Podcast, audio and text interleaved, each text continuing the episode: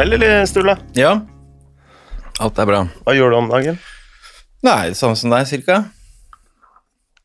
Lager, Lager pod- podkaster? Mhm. Mhm. uh, Jeg skriver jo litt, da, men det tror jeg ikke du Det klager vel ikke du. om hva da? Um, Klarer ikke jeg. ja, jo, det stemmer det. Du har jo faen meg skrevet Jeg, jeg glemmer at du, du begynte som AD, gjorde du ikke det? Jeg begynte som AD, ja. Sammen med Olav? Nei, lenge før Ja, Olav. for Olav var i bursdagen min, det var ikke du. Nei, jeg blir, aldri, vet jeg blir aldri invitert til Ja, Festivitas. det var det det var, ja. Det var surprise party, da, så det var ikke min sjef. Ok. Ja. Nei, altså, jeg uh, starta Min første jobb, betalte jobb, var som AD i Natt og Dag. Det var den gylne generasjonen med deg og Hegstedt og Camilla og Olav.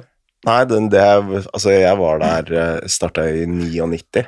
Ja, du var der med Altså den diamantgenerasjonen. diamantgenerasjonen, så Jobba du der med Så Olav og sånn eh, kom vel inn sånn i 2006-ish, Så tror du jeg. har, du har jobba med verden, Norges beste redaktør gjennom tidene, med andre ord. Eh, Hvem tenker du på da? Espen. Slettmyr? Å ja, Peter Amdam, ja. Ja, ja, ja. Vår beste, bestevenn. ja. Du vil ikke snakke om bøter, du. Nei, det er litt sårt. Og det er det ikke for meg. Jo, det er det, men jeg, du Er det ikke mer sårt at ingen prater om han? Jeg, jeg liker å prate om den, men jeg liker Hvorfor tror du jeg kommer hit for å prate om ruspolitikk? jeg liker ikke å prate om eh, såre ting i offentligheten, holdt jeg på å si. Ok. Må utfordre deg litt, da. Ja. Nei, jeg bare savner den. Jeg savner den også. Og og, og særlig når det er vår, og det blir sol. jeg var og bada på marinaen mm, på mandag. Ja, For grunn av han, da, selvfølgelig. Og så pleier jo Ja, vi pleier å bade på bursdagen, så på døds, dødsdagen og Men ja, nei, vi skal jo selvfølgelig ikke nødvendigvis prate om han, men eh, bare si kjapt, da, at eh, det er jo debatt om Steigan og alt mulig rart. Samfunnet kollapser nærmest. Tror vi hadde trengt han. Nå. Mm. Han var en veldig Altså, i alt kaoset så var Peter uh, ufattelig klartenkt. Jeg gidder ikke å være med på det kaosnarrativet heller i det hele tatt. det. Han var klartenkt, punktum, synes jeg. Altså, han påvirket veldig mange på en god måte. Han hadde sine sider, liksom, men intellektuelt så var det ingen som kunne matche han. Og det bidraget hans var jo helt enormt. Det var ikke, det var ikke front and center, liksom, på billboards. Det var liksom via. Mm. Men tenk hvor mye han har inspirert deg, alle oss som vet, til å ta bedre valg, tenke dypere, øh, skrive bedre musikk, skrive bedre hva som helst, skrive bedre, tenke bedre. Altså, tenk hvor mange han har inspirert til å, å gjøre bedre ting, Mm. og tenke mer over hva de gjør. Eh, og ikke minst er det jo tenker jeg da, som, I og med at vi egentlig skal snakke om utenforskap og rus og de greiene jeg har vært opptatt av, så tenker jeg at det som gjør han så ekstra spesiell, er jo at de som lyttet til han mest, var jo de som kanskje var litt outsidere, ikke sant? Uh, og det syns jeg er positivt, da. At uh, han var liksom Ja, jeg hadde jo Jeg underviste jo på Vesterålen et par år, og prøvde jo sånn desperat forsøk å ommøblere hjernene deres lite grann, da. Uh, sammen med Trond Høyås, som en, også en jeg shouter out Mm. veldig sterkt, som dessverre har pensjonert seg som rektor. Jeg vet ikke hva Vesterålen driver med nå, jeg, men to år da var jeg der eh, som foreleser. Sånn seks uker, fire uker eller noe sånt. Viste noen film og lærte pitch og Mosleth inn og Harald Eia, bla, bla, bla. Men hvert år, begge gangene, så hadde jeg jo også Peter holdt foredrag, da. Mm. Um, og den første gangen var helt episk. Og det er så jævlig trist uh, hvis noen som var der, har tatt opp og hører på, eller har det lydklippet. Jeg vet at det ble tatt opp, men jeg, jeg finner det ikke. Det var liksom helt episk. Altså. Det var Han snakka om påfyr uh, Fant opp sjokomelk altså, han, han er jo Det stemmer jo ikke, liksom, men uh, Og så drar han inn masse sånn immaterial labor og antifilosofi og franske ting som er helt uforståelig og så stammer og svetter og unnskylder seg. Altså det er liksom Det er nærmest performativt, da. Mm. Uh, og 80% av de som hørte på, bare Noen gikk, noen begynte å Det var jo starten av hele den derre Ja, hva er det de kaller det? Woke-greiene, ikke sant? Ja. Så var det jo mange som bare 'Hvorfor sier du det, egentlig?' Og så Og da later han bare som han ikke skjønner, ikke sant. Og, nei, jeg hører, jeg hører dårlig, pleier han også å si. Josmar har jo gitt ut en eh, Altså det fotballmagasinet jeg starta i 2009, Mm. ga nylig ut en eh, bok som heter Kampen om sjela, som er en samling av de beste beste sakene i Josimars historie, da. Mm. Og der kom jo med Uh, en av eh, Josimars eh, tidligste saker, som, Som Peter skrev? Som Peter skrev. Hvordan skrev han da? Han Altså, Peter var jo ikke veldig interessert i fotball, men jo, Chelsea. Ja, han var, har vært ja, mye på Chelsea-kampen Petter Høeg og Petter jeg. ja, men han var veld, veldig opptatt av Molde, så jeg har Veldig. to, to, Og jeg er Molde-fan. ja. Og han fortalte Han er at opptatt av fotball. Hva er det du snakker om? Nå avbryter du mye stille. Ja, men altså, Fake news? Ja, men han er, er jo ikke sånn opptatt av fotball som uh, jeg er. Ja, ja. Uh, altså, det er ulike grader her. Ja. Men uh, han var jo veldig opptatt av Molde. Mm. Eh, og jeg husker jeg tok med Peter på cupfinalen eh, hvor Molde skrev, og jeg husker han gjorde et intervju med Bernt Tulsker, og da kunne han fortelle at det var første gangen han uh, noensinne var starstruck. Uh, Så, eh, men uansett, tilbake til den eh, saken eh, Peter eh, skrev, var jo veldig sånn på siden av, av, eh, av fotballen, hvor han skrev om eh, eh, Manchester, eh, musikkscenen, dop, uh, Mm. og kvaliteter på selve dopet. Ulikt han, da. om hvordan en, en veldig sånn holistisk New Order, liksom. ja, altså, det var vel med ecstasy-scenen, da, Mm. Uh, med rave og, og de tingene tingene der, som handla om at uh, hvordan eh, Når uh, ecstasyen kom til, eh, til eh, Manchester, så forsvant nesten all fotballrelatert eh, vold i en treårsperiode. Og når eh, dopet blei dårligere, det blei gjenger, og så kom jo øh, den fotballrelaterte volden tilbake, da. Mm. Eh, Det er en og, god analyse, det. da. ja, og veldig sånn øh, godt tenkt. Og det, det savner jeg med Peter, en som kan ha et sånn fugleperspektiv over øh, Fordi i, inne i fotballen så trodde man jo kanskje at det var klubbene som hadde tatt et oppgjør med, med hooligansene, men Mm. øh, Peter var utrolig flink til å ha et uh, holistisk uh, overblikk da, over uh, Jeg, jeg tror det er det som jeg har blitt mest inspirert av han og lært av han, er jo liksom Eller to ting, eh, utover at han var jo den morsomste personen jeg vet om, liksom. Eh, nærmest. Mm. Eller ja, det vil jeg si. Eh, funny, liksom. Eh, spesielt fordi han i motsetning til veldig mange andre som har jobba i NRK med humor og sånn, og for eksempel er jo veldig, veldig morsom. Altså, Jeg har alltid sagt han mye høyere enn mange sånn Espen Eckbo og de folka der. For han har jo den derre Ja, trenger vel ikke å forklare engang hva det er. Men, øh, men øh, Seltzer har jo så dårlig tid, ikke sant? Han skal jo alltid et sted. Uh, mens Peter har jo mye lediggang, så han utviklet denne humoren som var øh, Ja, hadde mange navn, altså. Eh, Det var mye lingo-sjargong, og sånn, men det var jo, poenget var, men var i hvert fall å repetere en joke, liksom. Mm. Repetere evigheten, liksom. Hele natta. Seltzer har jo den kunsten at han alltid har en kommentar. Alltid en kommentar, og han kunne sikkert vært enda mye mer funny enn Peter, til og med, kanskje, men han hadde ikke, tid, han hadde ikke tid til å sitte opp hele natta, liksom, på den måten. Mm. Og Peters hadde jo denne permanent overreaction. Det var hans slagord, ikke sant? Mm. Hvis noen gjør deg noe vondt, skal du ta igjen ti ganger mer. Hvis du skal For eksempel, vi bølleringte en fyr i media, da. Ikke nevne hvem det er. Men er kanskje ikke den mest populære fyren i media om dagen. Eh, vi snakket jo litt om han rett før vi kom, eh, uten å si noe mer om det. Det spiller jo egentlig ingen rolle, men når man bølleringer folk, spesielt med henholdsvis 5, 7, 8, 39, som Peter var da, og jeg var jo Så ringer man kanskje to-tre ganger, men han ringte 600 ganger, liksom. Mm. til samme person. Eh, og når vi andre da Og vi lo jo og lo og lo, så det er jo selvfølgelig masse rundt, ikke sant. Eh, og vi lo og lo og lo, og når vi liksom Nå har vi ringt 600 ganger, nå går vi hjem. Vi er på nachspiel, ikke sant. Nei, nei, det er nå det begynner. Og da går han hjem. Da blir jeg med han hjem, liksom. Sånn, Mm. Nå skal vi begynne å bølleringe. Klokka er ni, liksom. Vi skal kjøpe en kaffe. Så ringer vi 600 ganger til. Da begynner, han, da begynner det å bli en bra joke. Og så for, vi, vi møtes i morgen, så fortsetter vi. sånn holdt han på. Så det, og det høres jo for mange helt idiotisk ut. Bortkasta tid og ikke sant? Og veldig intenst. Men det var jo den intensiteten som han hadde, som folk uh, i bandene hans, ikke sant. Jeg har aldri vært noe opptatt av hardcore i det hele tatt, men så sett den musikkvideoen siste han ga ut. Har du sett den? Mm. Um, um, uh, In Loyalty, altså Deeper Praise. Har sett trynet hans Mm. når han synger? Han mente det. Ja, han mente det.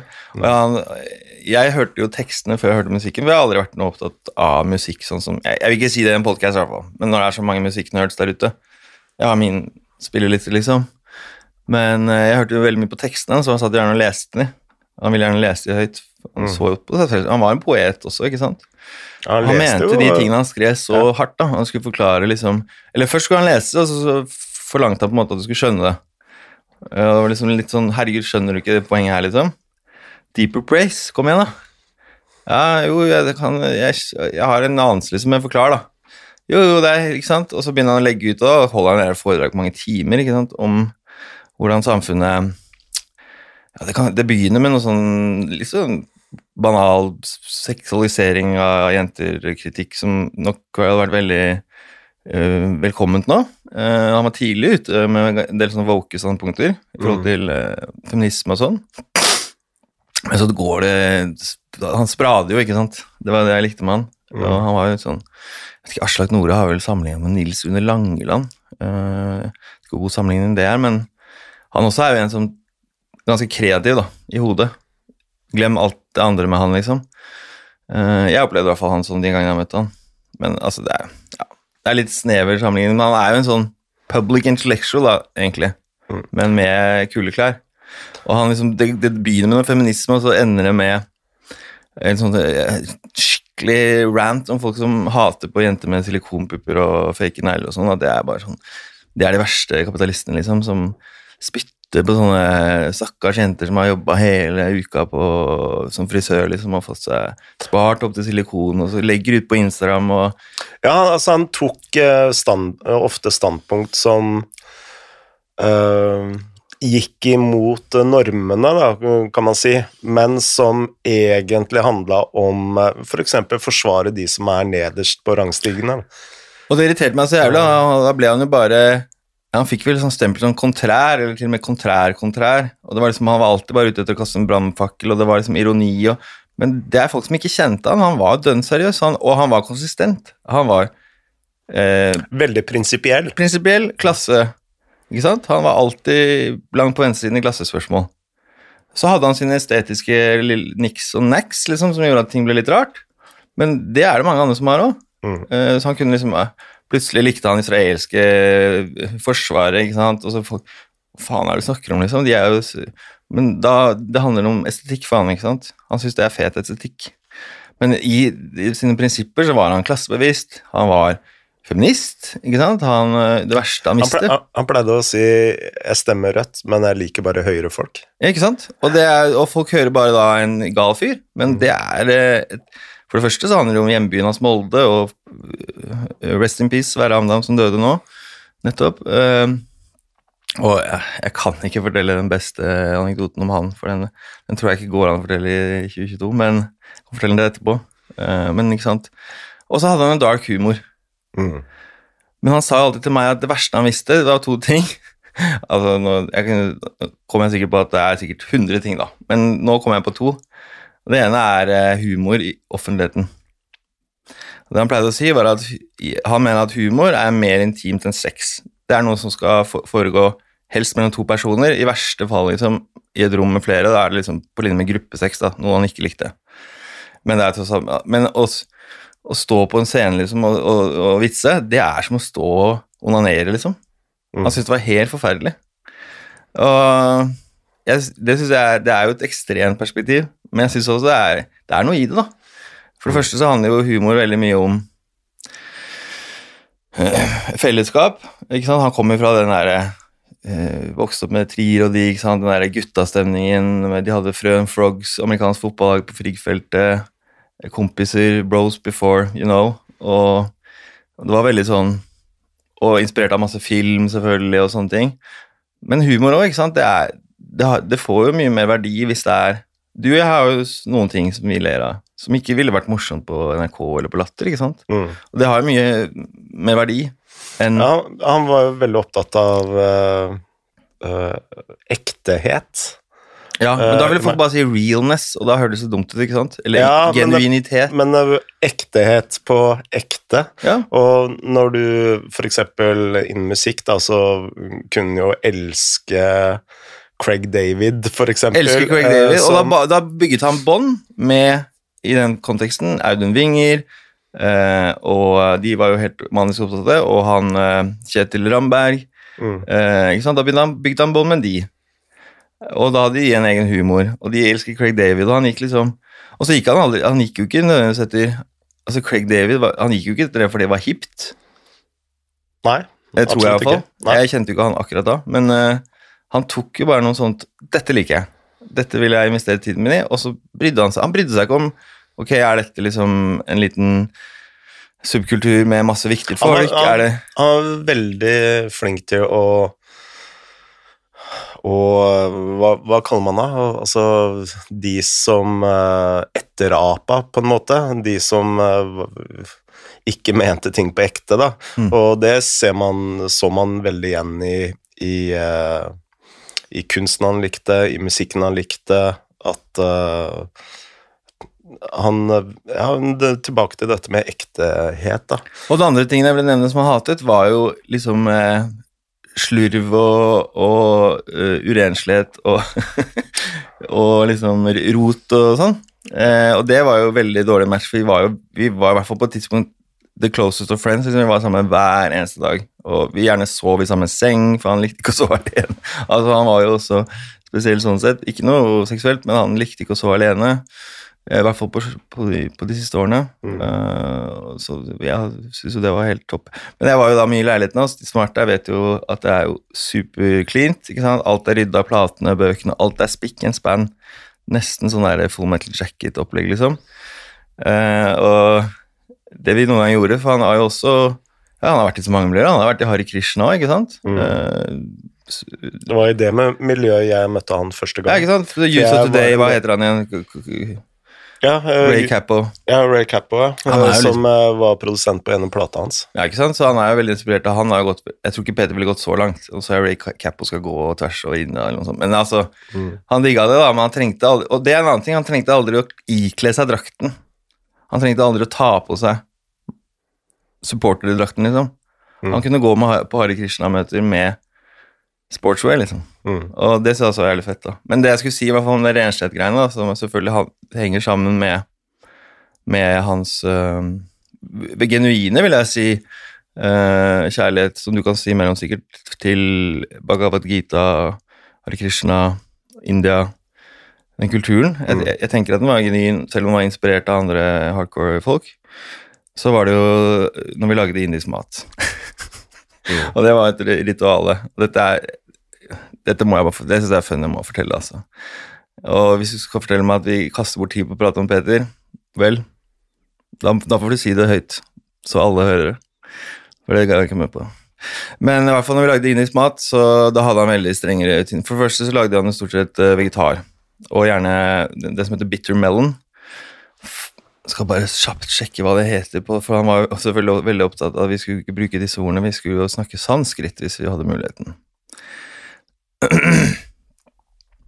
Sanskrit, for de som ikke vet hva det er, så er det altså uh, ja, det, Kan, kan jeg bare komme med en digresjon? Ja, ja, ja. at altså, Digresjoner er han, han var jo ufattelig streng. Jeg husker, jeg, Det er det jeg forteller om det. ja. jeg, jeg husker jeg fortalte at jeg hadde spist eh, pulled pork, og da sa han bare 'æsj, det er disgusting mat', sa han. Jeg, faktisk, jeg tror jeg kunne brukt hele den podcasten bare på å snakke om pulled pork og hans forhold til pulled pork, og alt vi har gjort rundt pulled pork, og alle videoer vi har laget, og alt vi har gjort Altså, pulled pork vi holdt på med ett år, liksom. Mm. Og vi lagde navn på folk, jeg skal ikke nevne hvem det er, men det var jo de som spiste pulled pork, for å si det sånn. De var en egen klasse, da. Uh, ja, bitter gourd, eller Ja, Kerala heter det. Ja. Og det er jo Det er en veldig fin metafor for Peter, egentlig også, den retten. For bittermellen er jo sånn Hvis du ikke lager det perfekt Det er litt sånn den japanske fisken. Som hvis du ikke skjærer ut sånn og sånn, så, så kan du dø. Mm. Mens Kerala er mer sånn light-variant, da. Hvis du ikke liksom tilbereder det perfekt, så smaker det dritt. Men hvis du får det til, for det er så bittert, men hvis du får det til rette miksen og sånn, så er det veldig godt. Og litt sånn unikt. Akkurat passe bittert, liksom spennende. For jeg har spist såpass mye indisk mat, jeg skal litt til å og liksom Wow, det var jo spennende rett. Mm. Mm. Så det var liksom veldig viktig. Alt skulle være sånn og sånn. Han, skulle ha, han, han, han likte av og til å røyke, altså sigaretter. Da skulle vi ha Marlboro Light. Og liksom skulle, skulle ta, kutte opp, og skulle ta én røyk. Så skulle det være Cola Cola- Nei, Cola, Cola Zero. Ikke Cola Zero! Altså, det er cancelbart! Ja, ja. Altså, Cola, Cola Zero var nesten verre enn pulled pork. Skulle Ja. være Cola Light. ja. Men også, også skulle vi liksom koke den Keralan, da. Mm. Det skal ikke jeg late som jeg vet hvordan man lager det, men Og jeg sto jo bare på siden og bare Og jeg fikk så mye kjeft, liksom. Nei, stå der! Nei, ikke der! Nei, hva er det du tar på? Vask hendene! Gå dit! Det, og så sa han alltid Dette er gamle synder! Gamle synder! Legg fra deg nå! Gamle synder! Mm. og så tulla vi jo mye med Og Pål Torbjørnsen var ofte med også. Og de snakker jo, er veldig gode på å snakke sånn Det er imponerende hvordan et menneske kan ha så mange venner. Jeg tror det er veldig mange som uh, Altså, det er få personer jeg kjenner som, uh, hvis du går rundt omkring i byen, da, som anser Peter som en av eh, sine nærmeste venner, da. Ja, Arne Eh, Olav. Ja, altså, jeg, jeg tror at det tallet nærmer seg tresifra, da. Å, du mener det er mange? Ja, ja. Ja, ja, ja, Altså, Jeg syns det er få, jeg. Nei, nei, nei, nei. Ja, mange, ja. veldig mange som Mhm. eh, anser han som en av sine viktigste og nærmeste Helt klart. eh, personer, og det er jo Det er det jeg prøvde å si i starten, at han har inspirert så mange. Men uansett, for å fullføre, da, når maten er klar, da, Mm. det er da det begynner. For det skal ikke være hva som helst. Da skal vi sitte på det bordet hans, som er det hvite bordet, ikke sant, og passe på hvor du setter ting og sånn, men han hadde et rut- rutine en stund, og da skulle det være Da hadde han sånne interiøraktige steiner, sånn som vi har på hotell i Thailand. Mm. Så han skulle legge på en spesiell måte. Så hadde han duftlys, og skulle alt være helt perfekt. Alt skulle være liksom super sånn Ja, sånn shabby eastern chic, men med litt sånn Peter-touch, da. Ingenting var shabby, liksom. Nei. Og så kom det selvfølgelig det viktigste Instagram. Ja. Alle hata på den tiden mat Hva er det kaltes for noe? Foodstagram eller noe sånt. Mm. Det var det mest nerde du kunne gjøre, liksom. Men i Peters verden så var det aldri viktigere enn akkurat da Mm. å legge ut Instagram av maten. Og da skulle han være med på bildet, selvfølgelig. og det skulle være platene i bakgrunnen, og de skulle liksom ha stilt opp. Og det skulle være duftlys som skulle med, og pass på steinene med, og, og så skulle det være filter. Mm. Som alle hata også. Måtte være filter. Og det var ikke, jeg husker hva det heter, men det, ikke sepia i hvert fall. Det er pull pork. Har du reflektert over, etter eh, Peters død, om, om mennesker som eh, ønsker å begå selvdrap? Kan, kan jeg vet ikke om det du er seriøs nå. jeg vet ikke om jeg... Jo, jeg er med. For du vet, jeg la jo ut en episode i går.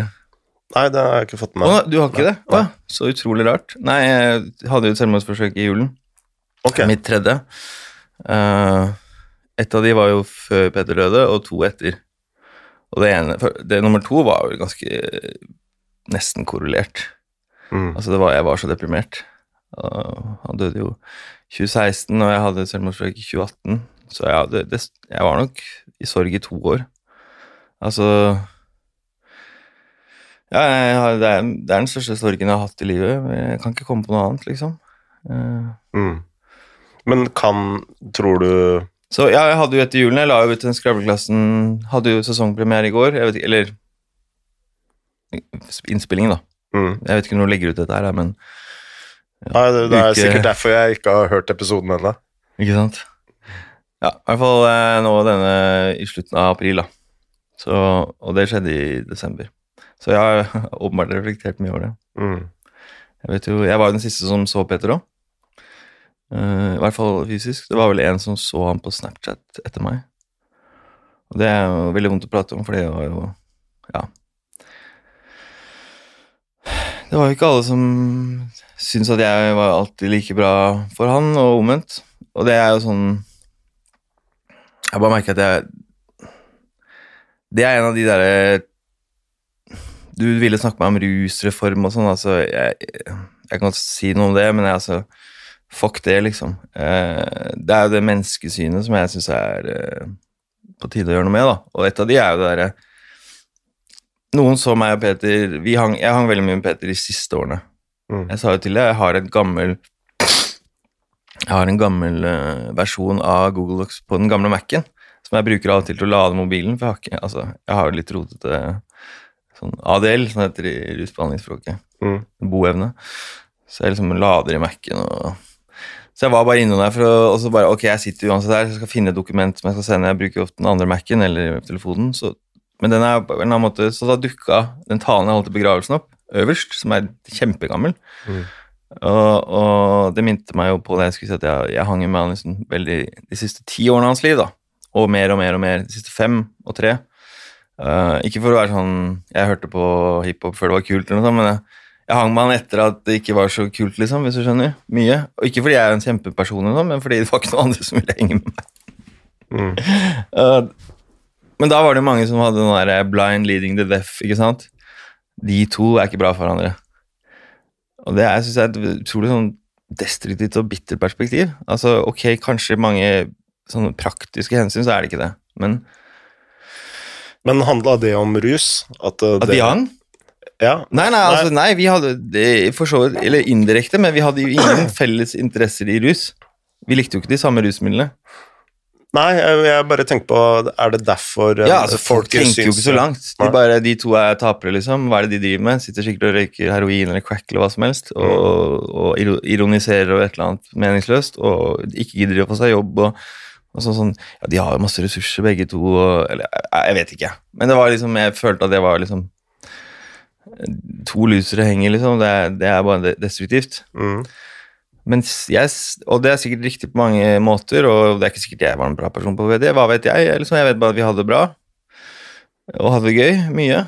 Og liksom øh, og, og jeg sitter igjen med enormt mye Jeg vet ikke, det er vanskelig å snakke for han sånn, men øh, Jeg ser på sånn at vi var Jeg misforstår meg litt med et mer østlig perspektiv, da, at vi var liksom og jeg vil ikke gjøre meg selv unik. Andre, han hadde mange andre nære relasjoner de siste årene òg. Mm.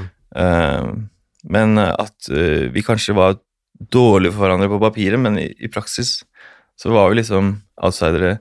Det er litt sånn Kristoffer Nilsen-aktig stil, liksom. Selv om Mm. Hater Kristoffer. Hilsen tegneseriene. Ja, men men uh, spørsmålet mitt er jo egentlig uh, litt sånn uh, Du svarer jo egentlig litt på det, uh, ubevisst kanskje.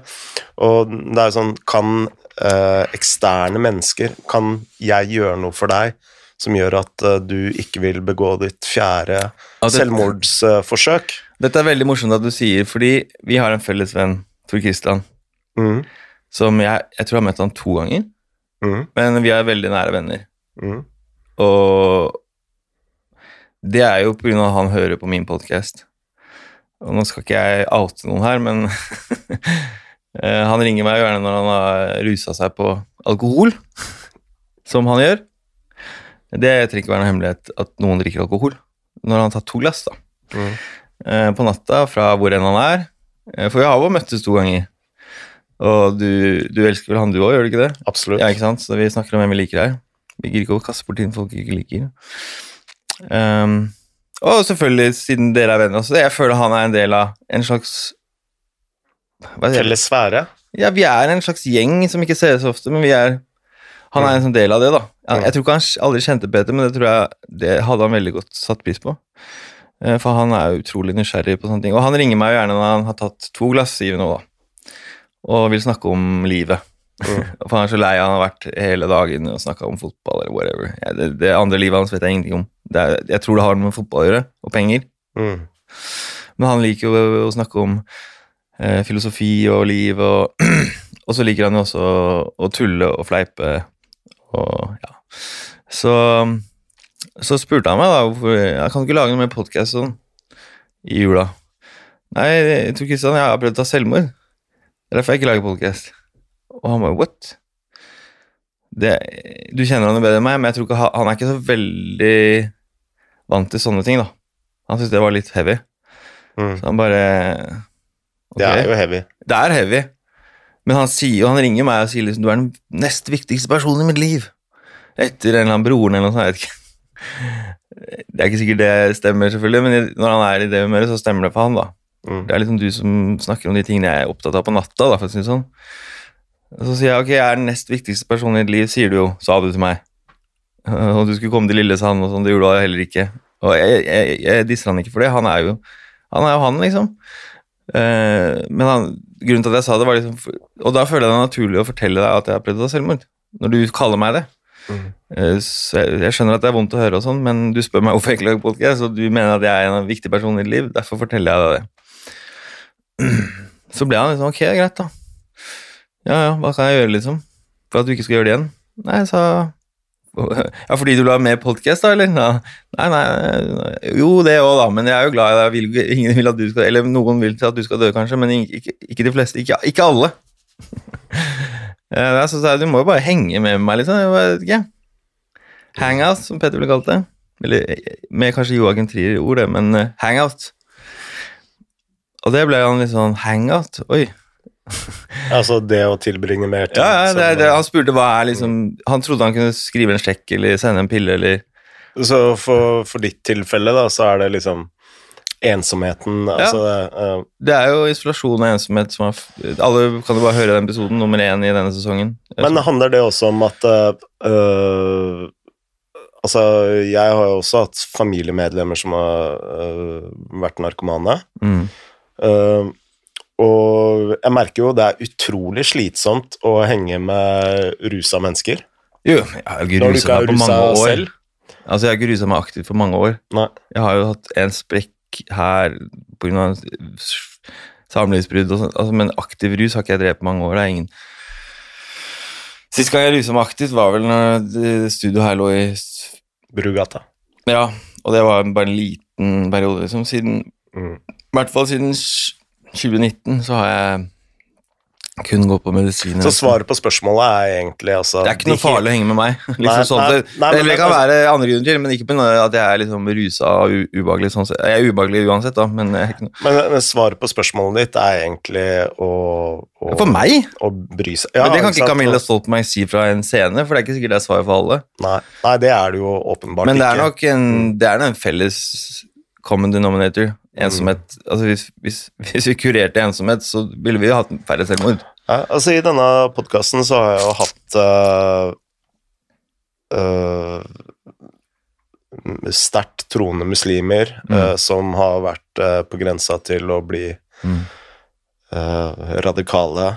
Uh, har snakka mye om øh, høyreradikalisme, og Mm. det som er gjengangeren uh, til alle som ha havner på skråplan på e- om det er rus eller politiske eh, ytterligheter, er jo dette med utenforskap, og at eh, man eh, har en veldig snever sfære, Absolutt. og, og at det ligger et Og jeg har mye å si om det. jeg vil kanskje kalle det et hat i bunn, Absolutt. som nøres opp under, da.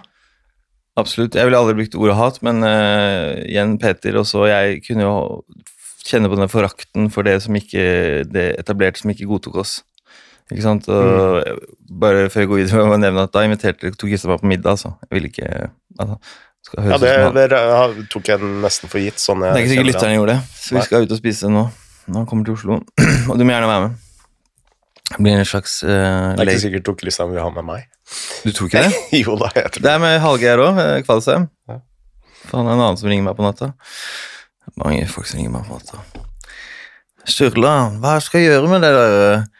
Jeg sitter her med en bank som lurer på om det er umoralsk å tjene for mye penger. Kjenner du ikke han? Hallgeir? Aldri møtt Han er veldig kul. Uansett, du får bli møtt han da, på denne bursdagen, middagen. Eh, jo, eh, så vi kjente på denne forakten, som du har helt klart rett i. Jeg vil ikke bruke ordet hat, synes jeg Jeg vil ikke bruke det ordet mer enn vi trenger, liksom. Men en, en, et bitterhet og sinne, da, overfor Som vi kjenner igjen i hooligans og alle mulige de du nevnte. Mm. Og jeg vil gjerne komme tilbake til en gruppe jeg vil snakke om i den forbindelse, i forhold til rasisme og alt mulig sånn, men bare for å runde av foreløpig om Petra, så var liksom Det han foraktet mer av noen ting, var liksom Morgenbladet. Og det ikke, ikke spesifikt, men bare liksom at det var det var der vennene hans jobbet og tjente masse penger, og det var der de kunne bruke pengene sine på å gjøre ting han ikke kunne. Og i tillegg så skrev de dårligere enn han. Mener jeg stemmer òg, faktisk, mange av de, eller de fleste. Uh, eller D2, da, whatever. Men Morgenbladet er i hvert fall det vi hang oss opp i, da. Mm. Og det er jo litt, jeg skriver jo litt i Morgenbladet, så jeg litt, må være forsiktig her. Eller glem det.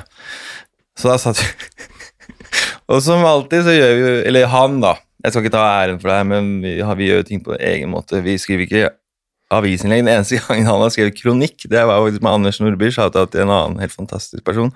Uh, eneste gang jeg vet jeg har skrevet kronikk, det var i Aftenposten. Og det vet du hva det handla om? Nei. Nå må vi forby engangsgriller. Ja, det husker jeg. husker jeg. Ja. Det er den beste kronikken som er skrevet. Det var en sånn skikkelig sånn snobbe, sånn sint mann, bygd, sint mann på 80 år fra Bygdøy, liksom, som skulle forby engangsgriller. Det er den eneste gangen de to har mønstra nok eh, intellektuell eh, stimuli til å skrive kronikk. Mm. Men eh, i hvert fall Morgenbladet, vi hadde et genuint I hvert fall i den, den landskapet vi levde i, var det følelsen genuint hat mot Morgenbladet. Og det var samme perioden med Pull Pork, og det var også en periode begge var avholds, for vi har jo også møttes på det. At vi liksom ikke bare har hatt rusutfordringer og sånn, det har vært behov for perioder uten drikking og Mm. Jeg kunne sitte her og snakket om de Berlin-turene, men det er så mange mennesker som ikke vil bli nevnt. Det, går, det går ikke an å fortelle, men de historiene er jo helt ville når jeg og Peter Jeg, kan nevne én ting da, for slutten av Berlin, den ene Berlin-turen. De som virkelig vil, de kan stoppe meg på gata, så skal jeg fortelle hele historien, men den er så dark og full av navn jeg ikke kan nevne. Den ender i hvert fall da, dagen etter med den verste fyllesyken i verden. Og dette er litt relevant i forhold til sånn woke og sånn vi kommer inn på. Og Peter er en slags storebror for meg, ikke sant? så han skal alltid passe på meg. og sånn, og så er, Han er litt sånn slem storebror som både banker deg og tar vare på deg. Han banker deg liksom hver dag, og så hvis du virkelig trenger det, så får du en klem. Og, og hvis noen prøver banke deg, noen andre prøver å banke deg, så banker han de. Og ikke fysisk. eh, Nei, nei, nei, dette er metafor, da. Men han var jo ikke noe snill sånn fra sekund til sekund. Han var jo hard. Mm. Og, men uansett, da var jeg så fyllesyk og hadde så angst. Jeg hadde gjort så mye dumt. Altså, jeg, jeg skulle gjerne fortalt historien, men det går bare ikke. Det er for drøyt. Jeg hadde smurt blod utover veggene, og jeg hadde gjort masse greier. Jeg hadde blitt dratt ned i en kjeller av noen tyske øh, kriminelle, og vel fortjent, vil jeg nesten si. Og, men dagen etter, da, den historien får jeg ta i del to eventuelt. Da skal, jeg skal fortelle den til deg først, før jeg finner måte å konstruere For den er, den er helt utrolig, faktisk. Um, men dagen etter så sitter vi da alene. Vi har låst oss ut. Vi har ikke kommet oss inn, så vi har vært ute hele natta. Vi har sittet på et fortau. Mm. Og så liksom når ting begynner å åpne, så har Peter en plan, da. Nå skal vi liksom bli kvitt fyllesyken. Og da tar han deg med på en reise. Som en sånn der Torbjørn Færøvik eller eh, en eller annen sånn derre narrator, liksom. David Attenborough, nesten. Mm. Altså liksom, ja, nå skal du høre her. Han har levd lenge og sånn. Ja, ikke sant, nå begynner ti tiden å renne ut. Ehm, ikke sant, for han har hengt mye, som han sier, ja, må være forsiktig i dette 2022-greiene, men han har hengt mye med homofile i speed-miljøet, da, for å si det sånn. Mm. Og de er jo han veldig glad i. Mange. Det er mange gode venner der, og det vil jeg også bare nevne. Han hadde jo venner i alle miljøer. Han var jo Er det noen som ikke var rasist eller homofob eller noen ting? Han brydde seg ikke om sånne ting. Det han kunne si Han kunne jo skrive i avisen at jeg hater homofile, liksom. Eller han gjorde jo ikke det, da. Men han kunne liksom si noe offentlig. Det var et dårlig eksempel, men, liksom, men det, han, det, det reflekterte ikke den han var privat. Han hadde venner i alle miljøer.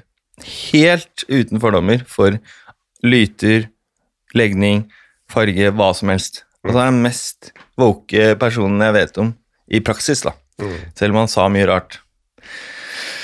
Og det syns jeg også han har fulle rett i, hvis du faktisk lever Apropos Bhagavad Gita, da, hvis du lever åndelig, altså hvis du er antirasist, antikapitalist, snill altså, Han var ikke alltid snill, da, men hvis de verdiene hadde, hvis du lever de ut, så kan du faktisk, synes jeg, tillate deg å si litt mer funky ting, da. Men det er, det er en lang debatt.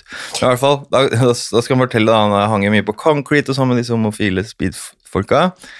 Og selvfølgelig, det, måten han sier det på, ville jo ikke gått å si for høyt her nå, for det ville jo blitt kalt for et eller annet. Men det er jo, ja, igjen, konteksten her. Han elsker jo disse menneskene, det er jo folk han er glad i, ikke sant.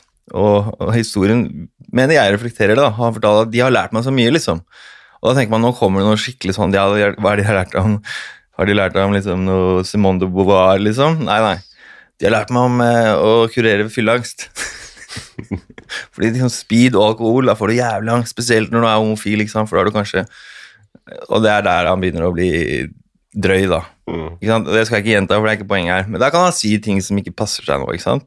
Men, men det er med hjertet, og det er om folk han er glad i. Han mener jo ikke det er vondt. Han bare gadd ikke å tenke på sånne politiske vinnere som snur hit og dit. Men da forteller han i hvert fall at det beste tipset som jeg har fått, det er kokosboller. Kokosboller, ja. ja. Vi kalte han jo lenge Kåre Kokos. Han var jo så opptatt av kokos. Drømmen hans var jo kokosolje, kokosvann, eh, palmer, ligge på en strand. Han var obsesst av kokospalmer og kokos og alt som har med kokos å gjøre. Eh, Jeg husker Men uansett, hør da. Kokosboller. Kokosboller. Og da, da Du vet hvordan han snakker, ikke sant? Han bruker jeg, du synes, jeg ser på deg at du syns jeg bruker lang tid nå, med digresjoner og sånn, men han, han har i tillegg hele kroppen og alt. Det tok jo veldig lang tid å fortelle, og det skulle ta lang tid. Man skulle liksom få virkelig inn med teskje kokosbollene, liksom. Mm. Kokosboller. Ja, men du følg med nå. Kokosboller. Se, jeg har sett kokosboller, greit. Ja, men skjønner du, da? Kokosboller. Jævlig funny. Og så Ja, men det er ikke sant. Det padder hjernen. Padder. Skjønner du hva det betyr? Vi var på ferie sammen. Da eh, mente jeg kokosboller når du har på, vært på Concrete og drukket masse eh, Red Bull og vodka, tatt speed og sånn. Dagen etter får du jævlig skallebank, kokosboller, padde hjernen da, med det der skummet. Og så begynner han å tegne og forklare, liksom, mens han står på en sånn tysk butikk som akkurat hadde åpnet med en eller annen tyrker som ikke skjønner noen ting, med kokosboller her og der, og masse hender og føtter, og jeg har blod på hele meg, liksom. Han, ut med kokosbollene og liksom, Jeg skal forstå da, hvordan denne kokos vet ikke hva det er engang, stivelse men Det paddet hjernen, da. Og dette er bevist, liksom. Det er bevist av disse gutta fra Concrete. Trenger du noe med bevis, liksom? Vitenskap. Og da begynner jeg å rante om For det var midt oppi den derre eh, hjernevask-greiene som han også hata. Han hata jo Pinker og alt det der. Det var det verste han visste. Sånn derre hard science, Sam Harris altså han, Det var det aller verste han visste. Og det, og det kulminerte da med sånn uendelig hat mot Klassekampen sin vitenskapsdebattredaktør som heter Vassnes eller noe sånt. En fyr han aldri har møtt, selvsagt. Og så ranter han da om Harald Eia, Steven Pinker og hvor forferdelig alt dette er, og, ikke sant? og så baker inn masse sånn marxisme og immaterial labor og Ina Blom og ditt og datt. Og, og da står vi liksom og kjøper kokosboller. Dette varer og rekker, og tyrkeren lurer på hvor blir det av liksom, Skal dere betale, hva er det dere driver med?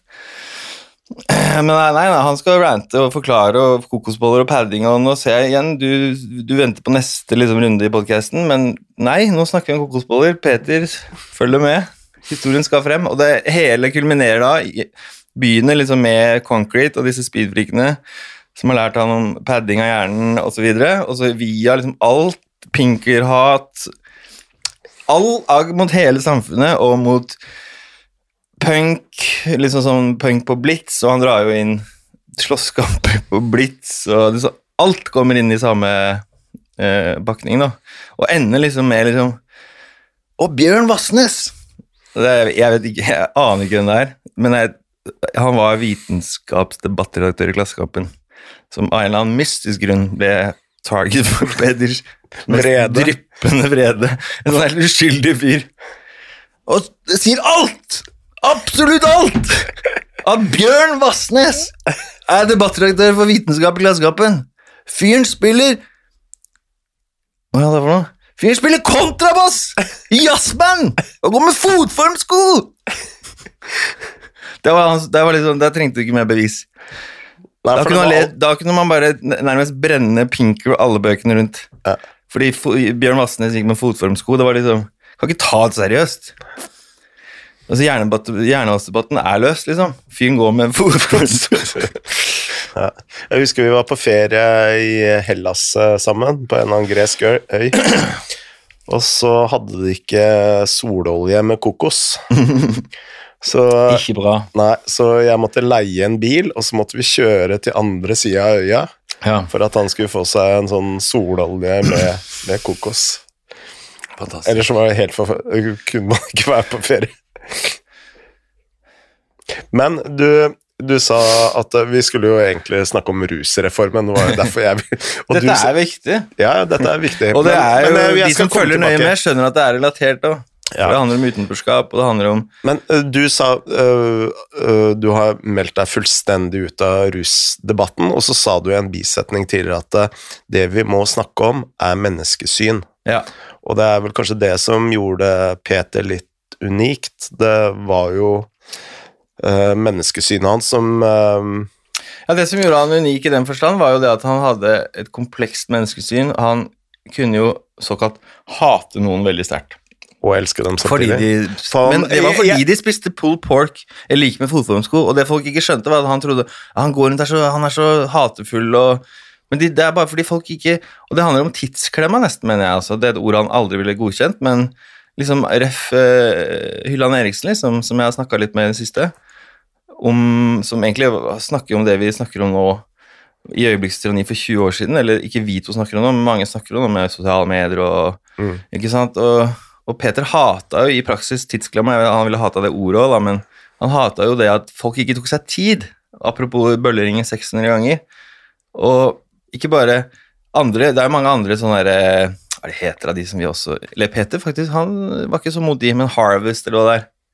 Det magasinet med sånn journalister med skjegg som går Ta tilbake klokka og sånn. Husker Mm. du det? Ja, Det var masse agg mot det.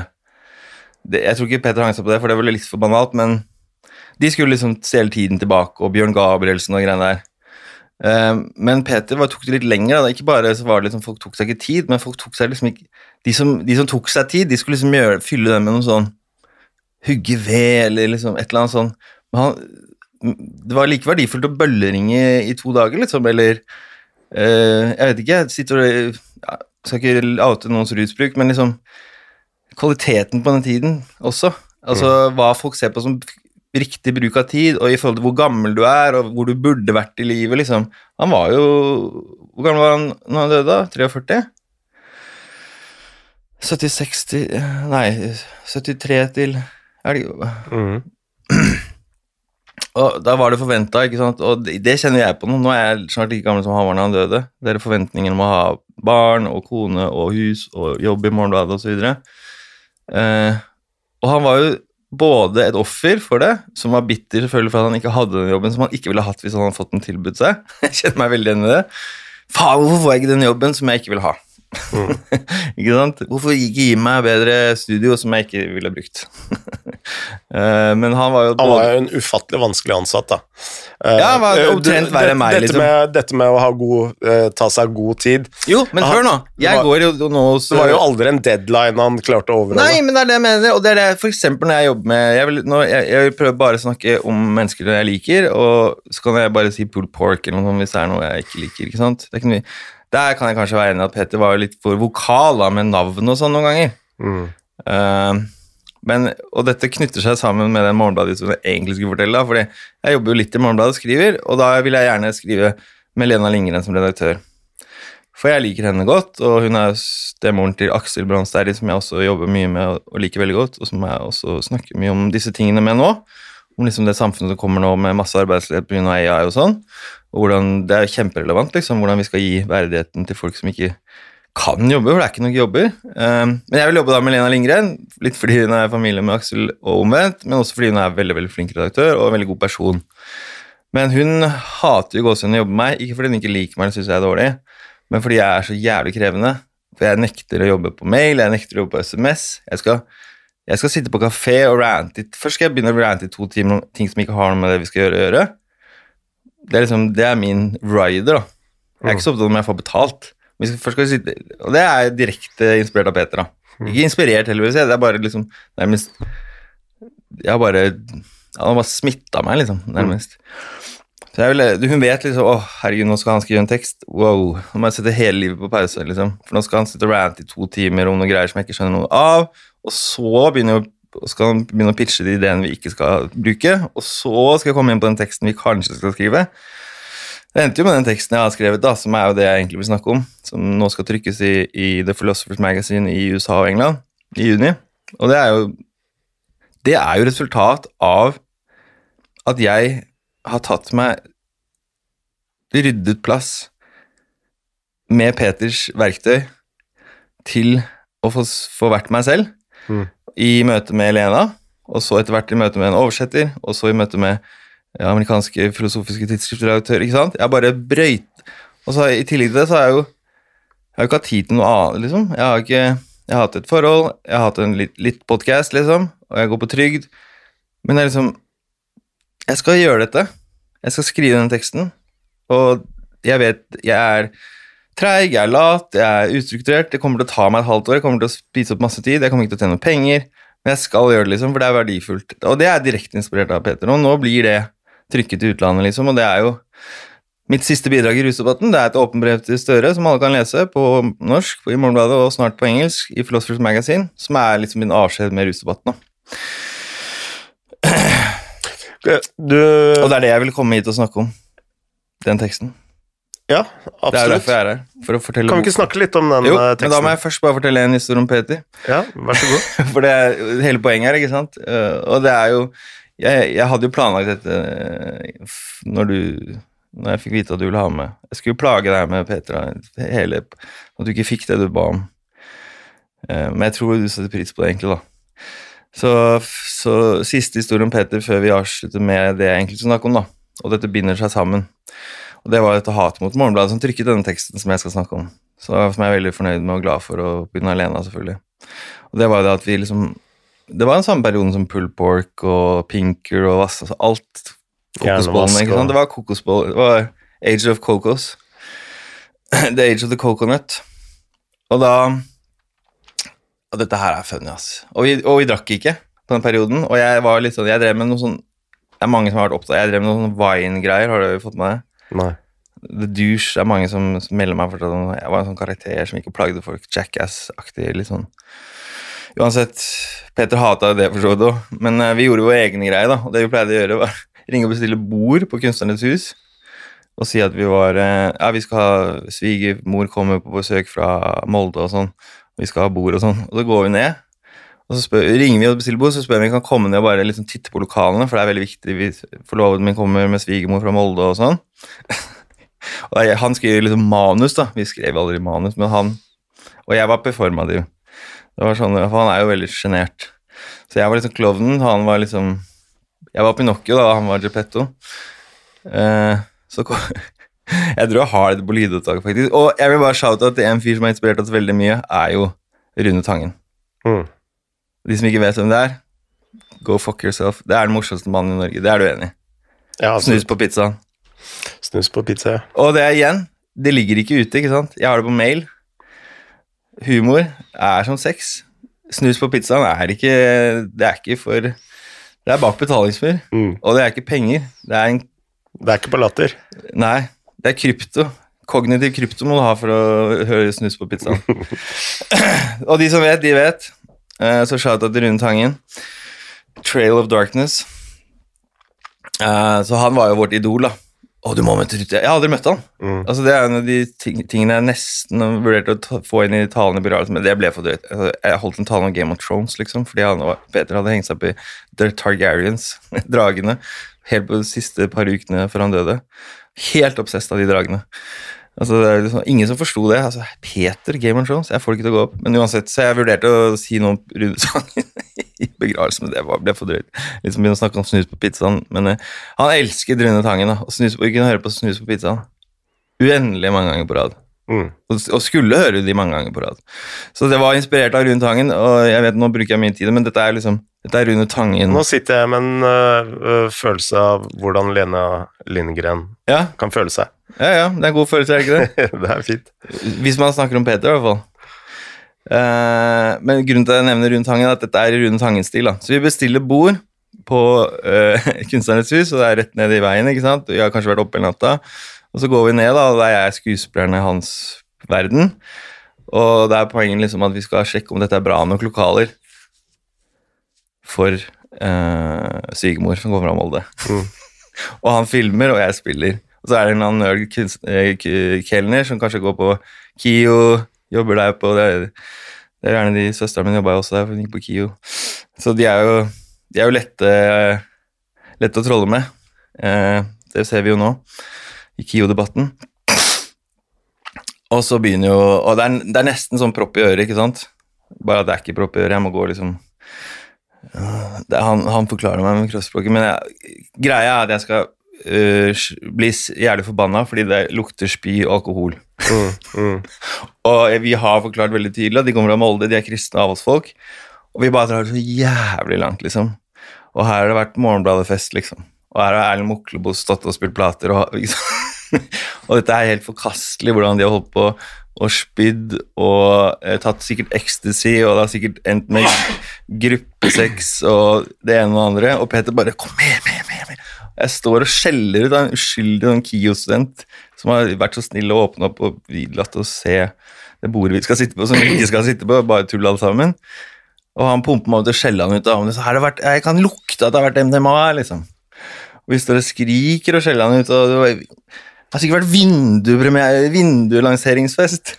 Enda verre, liksom. Kanskje vagant. Ja, eh, så vi drar det veldig, veldig langt, og så da fyrer vi oss opp. da. Å, nå er det bra, liksom.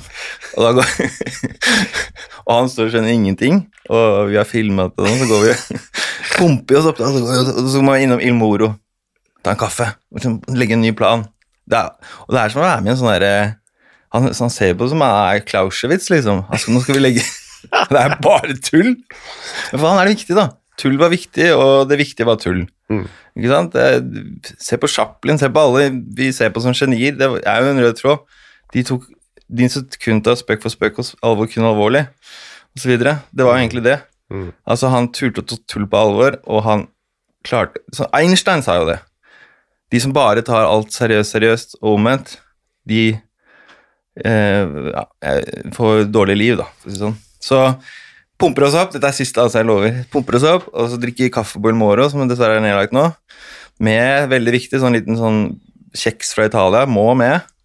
Alltid. Alt skal være alltid rutine, og nesten litt sånn Asperger på det. Og så kommer vi hjem, da, og det er, det er jo galskap, liksom. Dette er jo sånn etter et langt nachspiel uten noe rus for øvrig. Sånn kortere clean X eh, Hva heter det? Straight edge-periode. Mm. Som vi hadde sammen. Og da Ok, nå gjør vi det, liksom. Og da begynner vi å sette på noe musikk. og da setter vi på Da finner vi at det beste musikken her er Jeg har mista de videoene, her, men det er helt fantastisk. Det ligger på Facebook, men jeg kommer faktisk ikke inn, for det er NRK-mailen min jeg har mista. Men uansett Det vi skal gjøre, da, det er å Vi har funnet masse Morgenbladet-kopier, og så skal vi finne ut hvem disse som skriver disse essayene er. For det var, det var de som var de verste, liksom. Journalistene de skal få greit nok, liksom. De jobber og tjener penger og whatever. Men de som skriver sånn essay, de så vi lager en lang liste over disse, da. Hva de heter alle sammen. Ja, hva de heter alle sammen. Alf Ander Hagen og alle disse folka som skriver essay i Morgenbladet. ikke sant? Og vi går på Facebook. Peter elska jo Facebook. Det er jo en rar ting òg. Mm. Sikkert fordi det var sånn eh, NBA, nei, NFL-spill og sånn. Han lekte sånn Facebook-spill. Nei, jeg tror det var mest Chatte. gikk ut av Harvard og Ja, men han likte jo ikke å, å skrive Han posta ikke noe innlegg. Nei. Det var bare med chat, chat og 100 chatter opp hele tiden. Så det vi gjorde, vi lagde en liste over alle disse her. Trond Berg Eriksen, alle sammen. Og så lette vi etter dem på Facebook. Og så la vi de til som venner. Og så satt vi og venta. Pumpa oss opp. Og Peter satt og pekte og lo på disse bildene av Trond. Se på han, liksom! Og så leser vi kanskje bare linjer fra et essay. Og så, og så satt vi der som to stearinlys, nei, to tente lys, som to bar, ju, barn på julaften, liksom, og venta på om vi skulle få godkjent. da. Vi satt i timevis, liksom, for det kan ta lang tid å få godkjent sånne. Så kommer det da inn et venneforespørsel godkjennelse, gjerne med en sånn 'Hvem er du?' eller uh, Ja, noen vet jo hvem man er òg, ikke sant? Og så får vi da venneforespørselen godkjent, og vi jubler! Og vi setter på 'Congratulations'. Hvem er det igjen? Den låta, den eh, diskolåta. Jeg veit ikke hvem som har lagd Jo, det er veldig viktig at vi finner låta. Uh, celebration, good times. Jeg må spille den. Celebrate du, du. Det er kanskje ikke lov Ja, Cool G and the Gang setter vi på. Ja. Det er ikke lov å spille. Jo. Ja, men Er det ikke noe sånn eh, PR-lovgivning eller noe sånt? Ja, fuck det. Ja, så setter vi på den. Det var viktig for historien. Se her nå. Hver gang, da, Da har vi sendt 80 forespørsler, og vi begynner selvfølgelig med Morgenbladet, så går vi nedover. Vagant, vindu, alt sammen. Alle skal med. Og så setter vi på. Hver gang vi får. Og han sitter sånn med, med Morgenbladet i hånda. Jubler som han har vunnet, liksom. Slått gallerne i Ja, det var sånn han også digga. Han gjorde det sånn med over armene.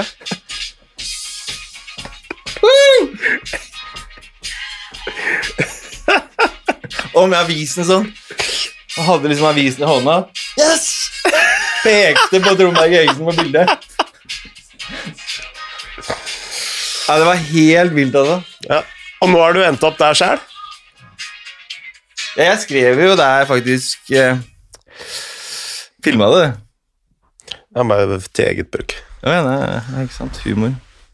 Men uh, tilbake, Ja, det endte jo der. tilbake, til, tilbake til saken. Ja, vi, men, men Grunnen til at jeg skulle sjekke det, var jeg lurer på om jeg har faktisk skrevet noe der før han døde.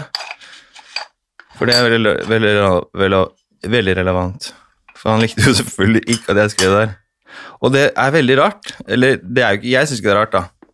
Men han hata rusdebatten. hvorfor det? Intenst. Nei, dette er estetisk. Det gir jo ingen mening.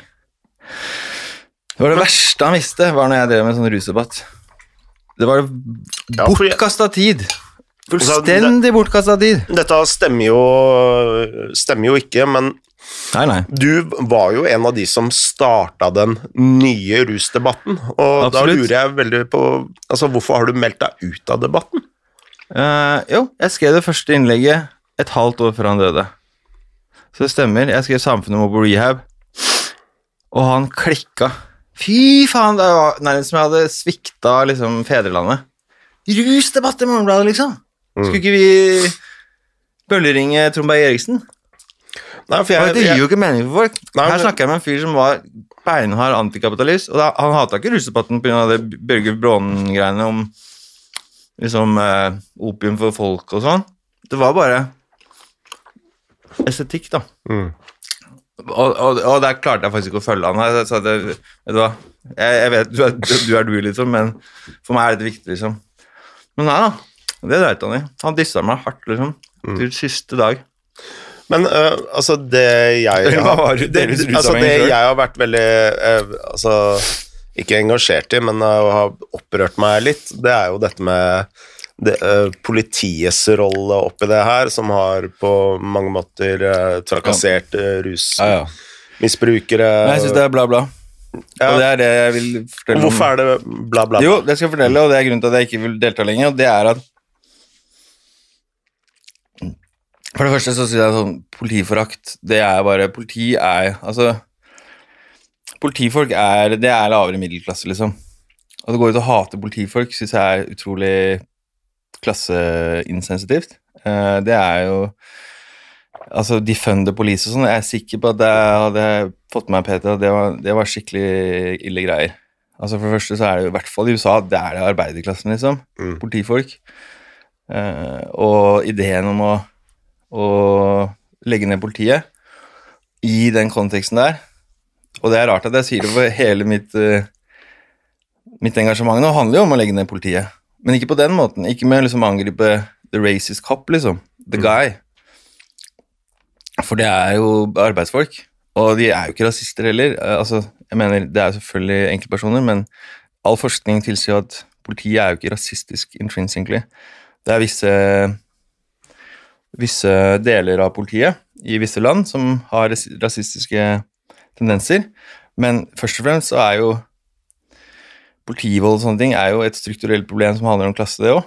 Og apropos Defender Police og Black Lives Matter, som jeg har uttalt meg kritisk om, og folk misforstår meg og tenker at jeg liksom ikke støtter den saken, sånn, det er helt feil, men hvis du så samtidig, så prøvde jo en del folk i Nigeria å få i gang eh, noe lignende. Eh, fordi det ble liksom en hashtag og liksom, hashtag-aktivisme og alt det der. Det er det en del jeg er kritisk til, for det var blant annet. Men det tok jo ikke av, ikke sant, og folk bare Hvorfor ikke, liksom? Det er helt åpenbart. Det er jo black on black crime i Nigeria. Det er ikke hvite politifolk som banker svarte. Og grunnen til at jeg sier det, er ikke for liksom å svarte er så slemme mot hverandre eller noen sånne ting. Nei, det er ikke det jeg mener. Poenget er at det handler om klasse. Og det handler om at én klasse får en litt lavere klasse til å banke opp en enda lavere klasse. Og det er, det, det er derfor jeg hater hele diskusjonen rundt øh, disse fæle NNPF og sånn. Jeg kan, jeg kan nesten Men åssen henger det sammen med at du har meldt deg ut av rus? jo, jo, dette er hele menneskesynet, da. At det er liksom det derre fæle NNPF som kommer med politiuniform på skolen og sånn. Sitter noen unge venstre og unge høyre folk i dress og sier at Jeg kan love deg, hvis du tar en sosioundersøkelse på hvem som er medlem av NNPF, det er lavere utdanning, lavere lønn, alt mulig, liksom. NNPF er samme klasse. Mm. Altså, dette er, dette er samme grunn til at jeg hater sånn deplorables Hillary Clinton-retorikk mot Trump-velgere. Jeg hater sånn QAnon-greier, og etter hvert så har jeg begynt å bli veldig eh, sliten av Steigan-hatet. Ikke Steigan, jeg tror han klarer seg fint. Det sto vel i Morgenbladet i dag òg, eller i Klassekampen. Var vel Rønsen som skrev. Han klarer seg, liksom. Det er ikke han, men Chartersveien og Jakkesson. Alt, det er vanlige folk, liksom. Om ikke de engang, så i hvert fall de som leser det. Når det står at dere er gærne, liksom.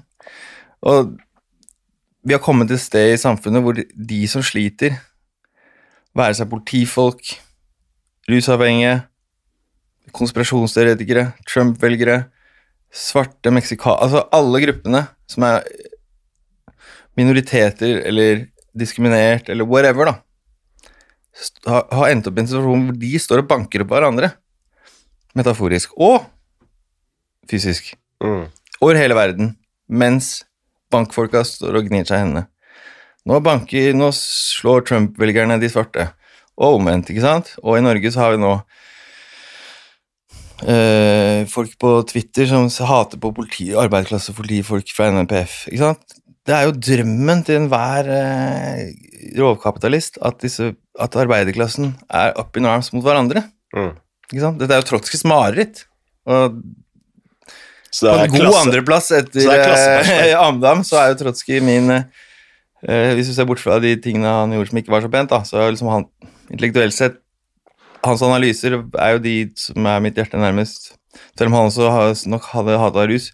Og Holdt på å dø på Hønefoss. eh, ja, ja, jeg, jeg, jeg drar jo på saf... Det er jo en av mine hobbyer å dra på sånn mors... eh, Celebriteter. Reich-leiligheten nede på Frogner. Vi har vært oppe på Hønefoss og lett etter. Det er ikke så lett å finne, faktisk. I der. Trotskij var rodde ut i Trotskij. Nå kommer vi til det jeg skal snakke om, for det, sånn begynner min kronikk-essay. med Trotskij. Ja. Mm. Essay i Morgenbladet, som nå skal trykkes i USA og England. Det begynner med at jeg ror ut i Trotskij sin hytte, som ligger mellom Lillesand og Kristiansand. Stangenesholmen. Også kjent som Trotskijholmen. Og der satt jo Nick Wold, ikke sant. Moren til Helge Wold, som mannen bak LAR, av Subutex og alt det der. Som Arne Føvland sitter der. Reich. Ser jeg for meg, da. De gjorde jo det på 30-tallet. De tok jo båten til Trotskij fra Lillesand. Nei, båten til Øverland, mener jeg. Med Trotskij. Jeg tror Reich var for feit. Eller ja, han gadd ikke å dra ned. Men de var jo den gjengen. ikke sant? Sigurd Hoel. Alle disse heltene, da. Som faktisk ville Hadde denne drømmen om et klasseløst samfunn. Som er fullstendig forsvunnet fra folks bevissthet. Nå handler det bare om andre ting, liksom. Altså økonomisk ulikhet, klasse, det har det er enten så er Hvis du er liksom hvis du er oppe på et visst nivå, så liker du det ikke fordi Steigan eh, holder på med det. Og hvis du er på ikke det nivået, så bare vet du ikke hva det er. Altså nærmest, det blir for tørt. Jeg har vel sagt også at liksom, konspirasjonsteoretikere og sånn burde jo egentlig bare sitte som Steigan faktisk sier, da, bare for å gi han litt cred der. Han sier liksom Sitte og lese disse ja, papirene om disse storkapitalene og sånn, men de, isteden sitter de og bruker tid på Akkurat Epstein skal jeg innrømme jeg har brukt litt tid på selv, for jeg syns det er en spennende sak, men ja, whatever, da. False flag, alle disse koko-tingene de sitter og leser om. Mm. Uh, uh, Ja, for du er enig i at det er mye koko ting ja, ja, altså for det første så er jo jeg sånn fog of war-prinsipp nærmest, som liksom alt som har med Ukraina og Russland, det som skjer nå, det er jo klart det er desinformasjon på begge sider, jeg er ikke så interessert i hvem som er verst eller whatever. Jeg vet hva CIA har truende til å gjøre opp gjennom tidene, jeg vet hva britisk etterretning har gjort opp gjennom tidene, både i Afrika og India, jeg vet hva de har gjort mot Black Panthers, jeg vet hva de kan gjøre, jeg vet selvfølgelig alt hva Putin og de kan gjøre. Eh, Vi vet hva kineserne er villige til å gjøre.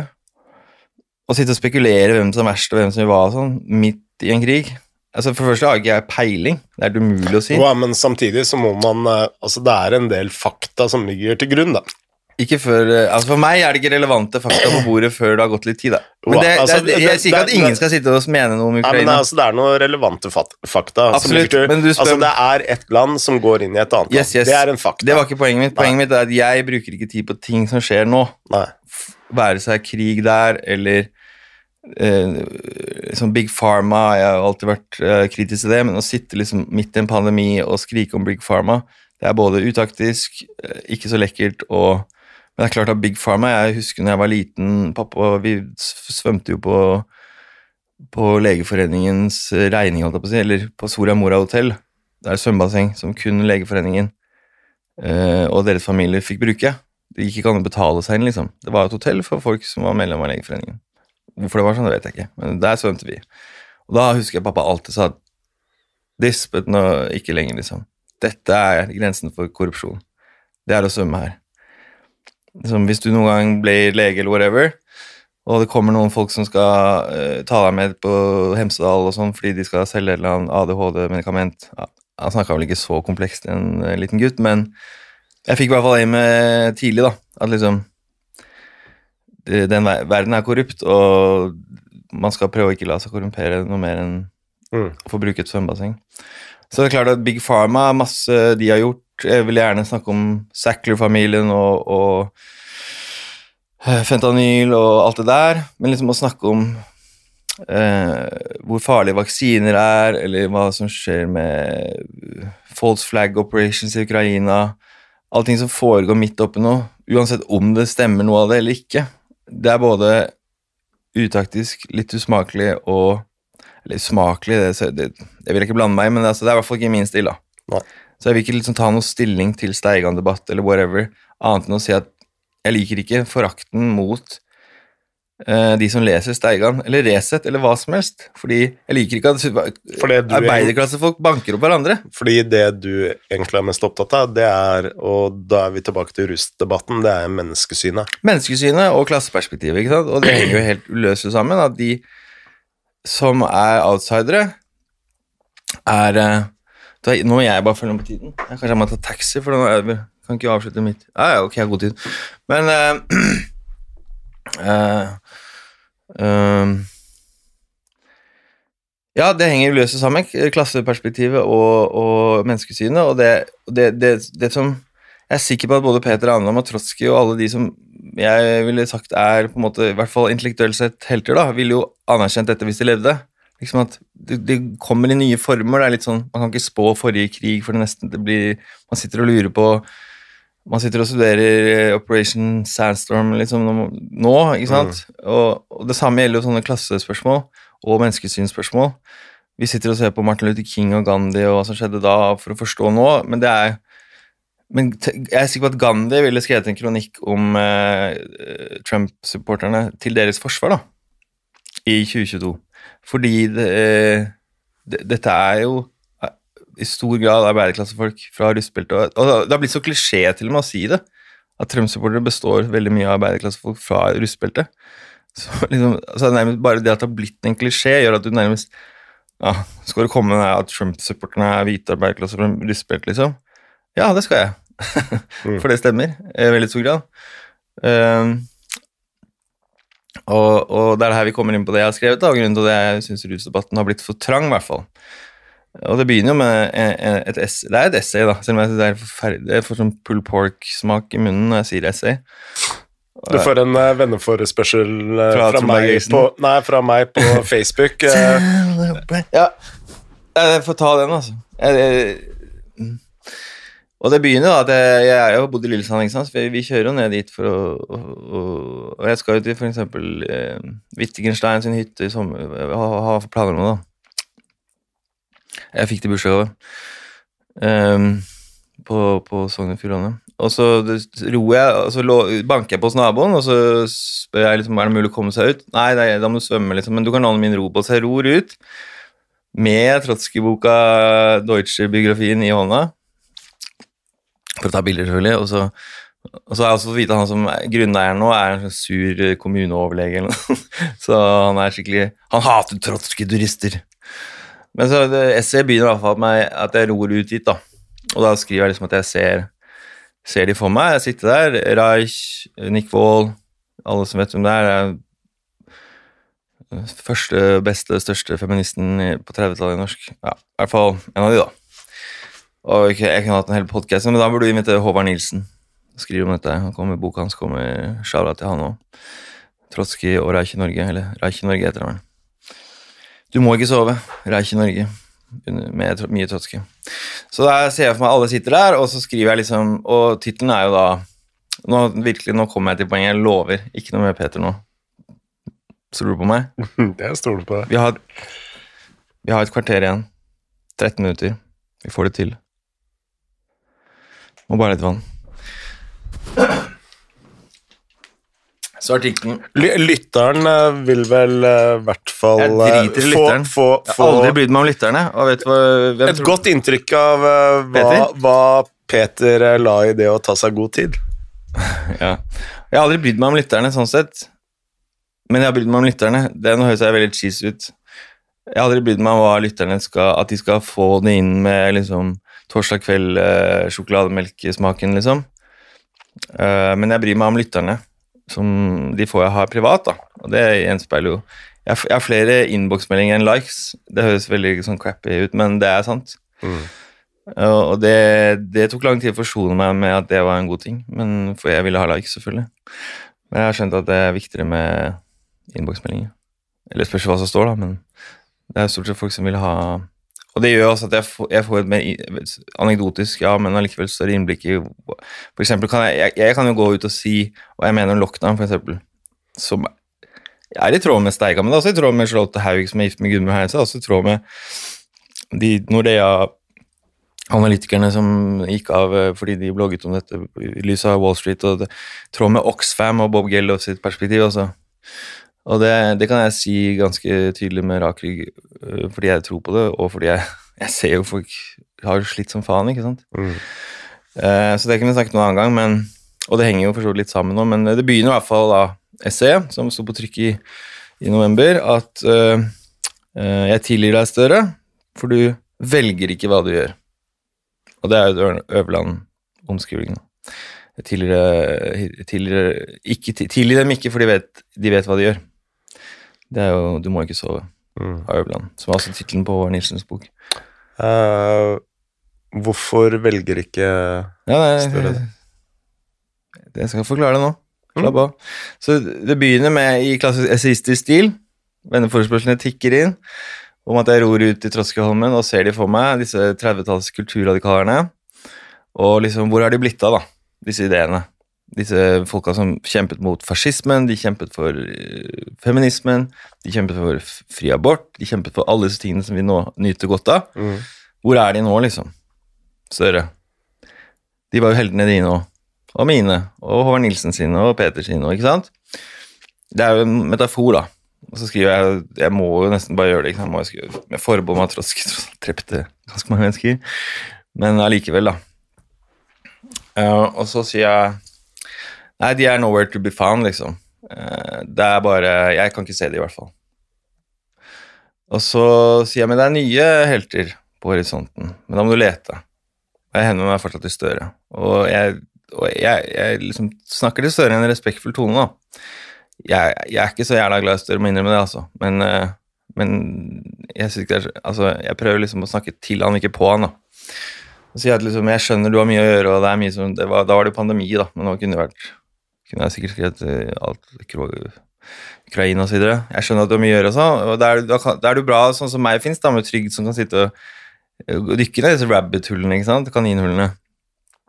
Og, men det er ikke alle som dykker ned i QAnon, Som noen av oss sjekker ut andre ting, ikke sant, og, det er, og da finner vi nye helter, og det jeg har funnet er jo noen filosofer da, i det store utland, som eh, sitter på Oxford og Cornell og eh, SUNY Corning, Sydney, ja. Folk som Greg Caruso, uh, Neil Levy, som jeg skal snakke om en time, så jeg må kjappe meg. Og Aksel Bronstein sitter jo på kontoret ved siden av, for så vidt. Og, og Bruce Waller, pensjonert fra Youngstown, og ikke minst Dirk Pereboom fra Cornell. Uh, altså Polski er biolog, da, men Og Harari og Sam Harris også er jo inne i dette, faktisk. De er jo Og det er jo disse skeptikerne. Eh, og da snakker jeg ikke om Gunnar Tjomli, eh, men om eh, fri viljeskeptisismen. Og det er en posisjon i en debatt som er like gammel som verden selv, omtrent. I hvert fall like gammel som Bibelen og, eller, Mm. enda eldre. Og det er om vi er fri til å velge hva vi gjør, da. Og den debatten har jeg alltid vært interessert i og, og snakket om. Og, men så fikk jeg jo høre på et tidspunkt at ja, du bare syns det er spennende pga. at det er en sånn grei unnskyldning for å gjøre hva du vil, sånn narkis som du er. Når jeg snakka om det i starten, liksom 2007 og sånn, mer sånn bloggeverden, eh, så da, ja og andre grunner så la jeg det på hylla, men jeg har alltid hatt det der. da. Jeg tror jeg fikk jeg tror Gunnar Skirbekk, Universitetet i Bergen, som hørte om dette første gang i 2000 og et eller annet, som inspirerte meg til å tenke på dette her. Men så har de dukket opp da i senere tid, som jeg skriver i essayet, og forklarer da at liksom, disse er det verdt å høre på nå. For disse, liksom, disse, disse såkalte arvtakerne til Trotsky og sånn, i mine øyne, da, det er De sitter på Twitter liksom og bare roter det til. Men disse filosofene mener jeg har veldig mye for seg, og det de sier, da, er at frivilligdebatten har jo liksom eh, pågått i alle, alle tider, og spørsmålet er utgrunnelig, og så har vi jo selvfølgelig parallelt liksom, den vitenskapelige debatten om kausalitet, determinisme, liksom alt, altså om verden bare er biljardkuler som dunker inni hverandre, og, og med Einstein og alle disse gutta med kvantefysikken, så har dette fått et liksom skudd fra baugen, da. At liksom, er det noe randomness? For de fleste vitenskapsfolk har jo vært enige siden Newton omtrent at det er fri vilje er en umulighet. Dette er fysisk. Men så kommer da Neil Levi, som jeg skal ta taxi straks og intervjue på Oxford, og sier, sammen med disse andre og sier drit i den debatten. Liksom. Drit i Einstein, som ikke trodde på frivillig, han heller. Han sier jo, som jeg skriver i artikkelen Jeg tror ikke på frivillig. Jeg, tror ikke en morder er eh, ansvarlig for sine handlinger, men jeg bare velger å ikke invitere ham på middag. Og, og så skriver jeg også at eh, jeg konstruerer selvfølgelig, men Schopenhauer og Kant, to giganter som har en kamp, de levde jo ikke samtidig, så det er bare tull. Og, og Schopenhauer er ingen gigant kontra Kant. Schopenhauer er ingen gigant opp mot Kant, men det er Kant som er sentral på mange måter, fordi Kant er jo den som på mange måter har lagt til grunn for velferdsstaten, og med Samuelsvold og sånn selvfølgelig, men hans kategoriske imperativ, ikke sant, aldri gjør mot noen som du ikke vil at skal bli en uh, allmenn lov. Sånn, alle de verdiene vi har, mange av de kommer fra Kant, da. Men den ene verdien som jeg mener vi ikke har, som Kant på en måte Jeg, jeg prøver ikke å oute han eller noe sånt, han ville ikke noe vondt, tror jeg, men han var veldig prinsippfast på dette med at de som har gjort noe galt, skal straffes, da. Så han trodde på frivillig, eller han trodde nok ikke på frivillig, men han trodde på moralsk ansvar, da, som er liksom det andre leddet i debatten her. Det er dette her som er det viktige for meg, da. um, og, men det gjorde ikke Schopenhauer, og det gjorde ikke Einstein, og det gjør ikke disse gutta. De tror ikke at vi kan, ut ifra det vi vet om vitenskapen, uh, si at noen er moralsk ansvarlig for deres handlinger. Og det er utrolig radikalt, selvfølgelig. Uh, det vil jo si i praksis at Be- Behring Breivik er uskyldig, ikke sant? Og Snåsamannen Nei, Lommemannen. Snåsamannen er ikke uskyldig. Etter får grensen gå. Men eh, ja, Putin, alle, ikke sant? Og de som er interessert, har jo lagt ut masse episoder på min podcast med disse folka. Og jeg også lager jo en serie om dette og andre ting. Um, men det som er poenget, da, det er at ved det, Som eksempel Bruce Waller sier, da, som er sånn gudfaren her, som er fra Youngstown universitet, øh, professor emeritus, altså pensjonert, eh, at og han er liksom, disse gutta, han ene er jo naboen til Bernie Sanders. Dette er langt på venstresiden. Altså, Mm. Dette er snakk om folk som har eh, det, det de har hørt om Norge, er Bastøy, Halden Mm. og kanskje Nobelprisen, liksom. Det er Bastøy og Halden, det er de to, det er de to største ordene blant akademikere på, i denne verden. Fra Norge, da. Mm. Og grunnen til det er jo det at det er de to mest humane fengslene i verden som går lengst i denne ikke-retributivistiske tankegangen som de, de vil dra til det ekstreme, selvfølgelig. Eller prinsippfaste, da. Og det handler om at straff i seg selv, og, det, og tanken om å straffe noen for at de har dårlig moral og har brutt eh, god moral, brutt lov, er en destruktiv og, og gammeldags tanke. Da. Mange av de sier jo, som jeg vil si meg enig i, at liksom, illusjonen om moralsk ansvar burde dødd med Nietzsche, liksom. Det er, ingen, det er bare en aberration av det ikke skjedde. Den er forklarlig, fordi dette er Gud, til tross for at Gud er helt uh, merkelig. Så det er lettere å drepe Gud enn å drepe tanken om at folk ikke har ansvar for sine handlinger.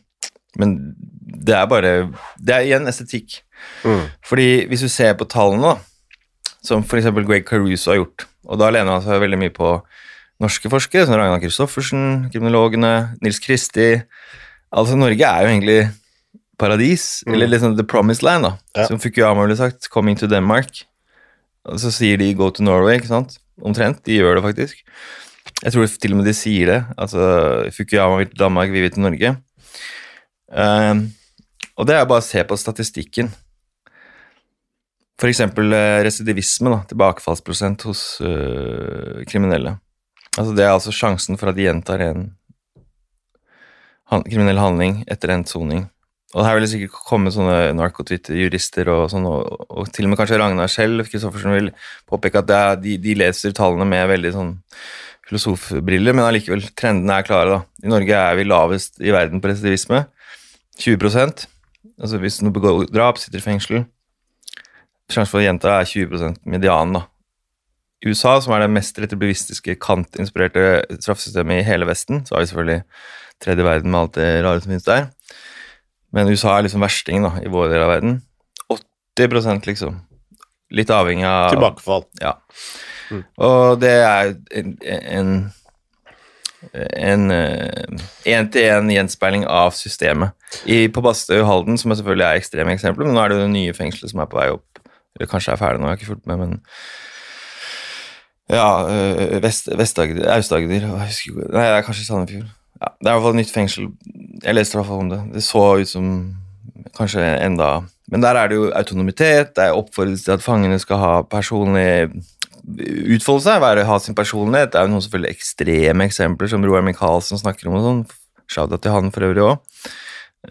om, så folk vil tenke ekstreme, at de liksom lager eh, jeg vet ikke, ri på hest og Altså, de gjør Ja, det er som- ekstremt. Nei, nei men, det er, på, men det var noe mer. Det er masse ting, kule ting de gjør, da, som drapsfolk liksom Men, koser øh, seg med bløtkake. Men med, med et sånt filosofisk syn, da, hvordan tenker du øh, eh, det vil omdannes i uh, politikk uh, Jo, dette er, det, det, dette er jo det Aksel Bronstad blant annet og de sitter og prater om, men vi prater jo gjerne da i to timer om gangen. Mm. Del én, del to, del tre. Så det er ikke så lett å forklare det på eh, ti minutter, men, men det, Og Aksel er ikke, jeg er ikke helt enig heller, men jeg, jeg vil jo være prinsippfast da, og si ja, vi skal løslate ABB innenfor denne karantenemodellen for eksempel, som Caruso foreslår. ikke sant? Det handler om å minimere altså all unødvendig påføring av smerte fordi noen har begått en handling som de ikke er ansvarlig for, skal vi kutte til beinet. Mm. Alt, all punitivisme eller retribuisme handler om å forsvare andres eh, rett til sin egen frihet. Altså, Men det handler jo også i eh, ABBs tilfelle så handler det jo ikke bare om straff. Det handler jo om å beskytte oss andre mot Ja, en uh, det er det jeg sier, mm, det skal vi beholde. Mm. Karantene. Han kaller jo karantenemodellen Caruso, for eksempel. Men det er jo det mange vil innvende, innvende sånn, ja, men hva med det, og hva med det, og hva med det? Men det er liksom, det vil jo uendelig, og jeg skal ikke påstå jeg er noen filosof, altså, men de vil jo da innvende at vi har jo alltid hatt filosofer som kommer med radikale ideer, og så, så ja, men hvordan da? Nei, det er ikke vår oppgave. Det er derfor vi har sosiologer og kriminologer og sånn. Vi sier at sånn er verden. mm. Kjøper dere den ideen? Altså, det, var ikke noe, det, var ikke, det var ikke Nietzsche som bygde den sekulære velferdsstaten, liksom. Han sa jo bare at Gud er over, liksom. Deal with it. Mm. Så kommer jo eh, Carl Evang og disse folka og, og, og bygger opp samfunnet igjen. Så, men eh, de riktignok har jo mange ideer òg, f.eks. denne karantenemodellen. Men det handler jo om å skifte synet på mennesker, da. Og som jeg har sagt til mange i denne konteksten, jeg er ikke ute etter å slippe ut Breivik først, liksom. Eller jeg er ikke ute etter å unnskylde gutta på Wall Street som ødela hele verdensøkonomien. Er, vi, la oss begynne med De ble ikke arrestert. Nei, ikke sant? Det har vi diskutert også. Jeg er ikke ute etter å unnskylde Putin, eller ikke ute etter å frata Warholm noen medaljer, for det går jo andre veien nå, ikke sant? Mm.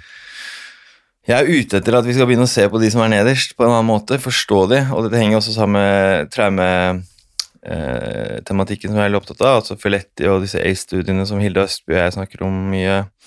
eh, linken mellom disse ACE, altså Adverse Childhood Experience Studies, incest, vold, alle de tingene man opplevde i barndommen, hvor sterk den mm, Kausale linken er med uh, lav utdanning, lav lønn, risikoatferd i voksen alder. Det henger så utrolig sammen, da. Så å begynne å tenke på disse spørsmålene, som jeg, som jeg tror jeg har sagt uh, mange ganger nå, at uh, det mest woke du kan tenke liksom, i 2022, mener jeg, da, det er å involvere deg i moralsk ansvar-debatten.